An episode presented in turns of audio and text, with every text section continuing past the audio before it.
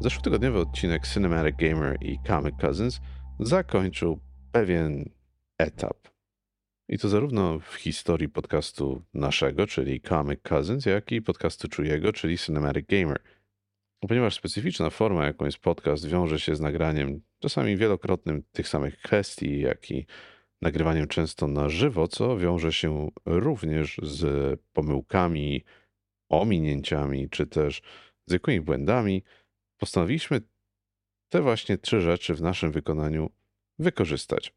A fakt, że właśnie obchodzimy Wielkanoc, to też dobry powód do tego, by te nasze niedoskonałości nazwać swojego rodzaju easter eggami. Zatem w moim imieniu, czyli Wilczura, jak i Rafiego i Czujego, zapraszam Was na zapoznanie się z easter eggami Cinematic Gamer i Comic Cousins. No na pierwszy ogień, albo na pierwszą patelnię, albo na pierwszą wrzącą wodę trafić powinny pewnie błędy, czyli to jak pewnie błędnie wypowiemy czyjeś imię, nazwisko, jak w przypadku pewnego nowozelandzkiego reżysera, co wiąże się właśnie z, e, z debiutem reżyserskim pełnometrażowym Taikiego Taiki. Czasem też z błędnym podaniem numeru choćby symfonii, jak w przypadku tej Beethovena, którą wykorzystał Stanley Kubrick, e, który tak pięknie na tym zagrał w,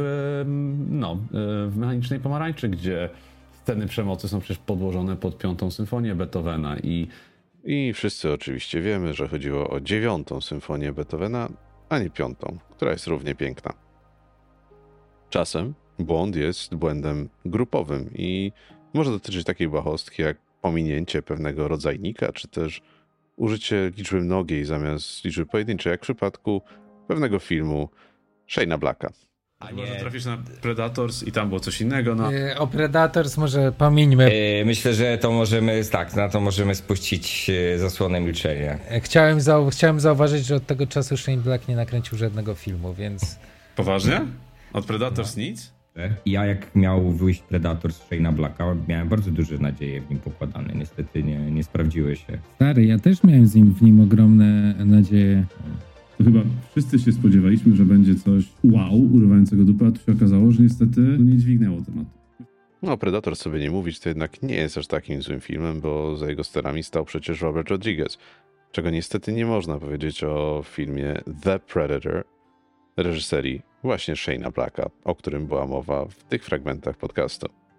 Ale równie ciekawe jak błędy są choćby niedopowiedzenia, a zwłaszcza te, o których śpieszą ci powiedzieć albo koledzy redakcyjni, albo słuchacze. I takim niedopowiedzeniem jest niewątpliwie pominięcie faktu podczas materiału o Mausie, że jest on jedną z niewielu powieści graficznych, które doczekały się uhonorowania nie tylko wieloma nagrodami, ale też które doczekały się nagrody Pulitzera, przewidywanej głównie dla wybitnych dzieł dziennikarskich, a nie powieści graficznej. I pewnie czynnikiem, który miał na to znaczący wpływ, była też dbałość o szczegóły.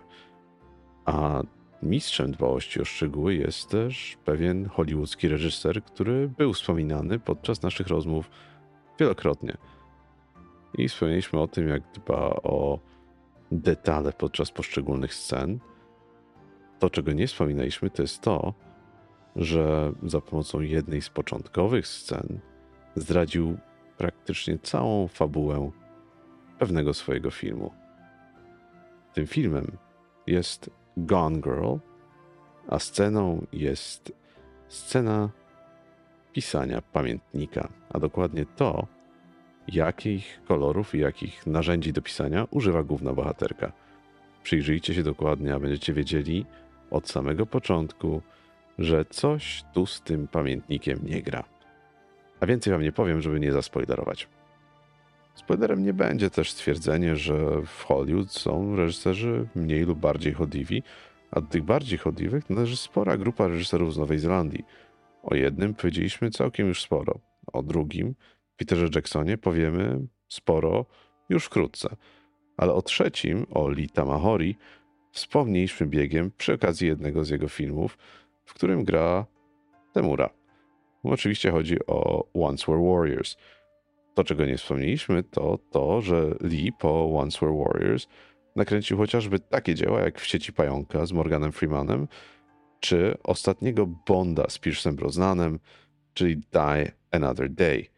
Co ciekawe, nakręcił też XXX Next Level z Ice Cube'em, który niewątpliwie inspirowany jest, czy udanie, czy nie, Bondem. A o przygodach agenta 007 i to na łamach nie tylko powieści i filmu, ale również na łamach powieści graficznej już wspomnimy niedługo. Tymczasem życzymy Wam udanej reszty świąt i do zobaczenia o stałej porze. Na razie.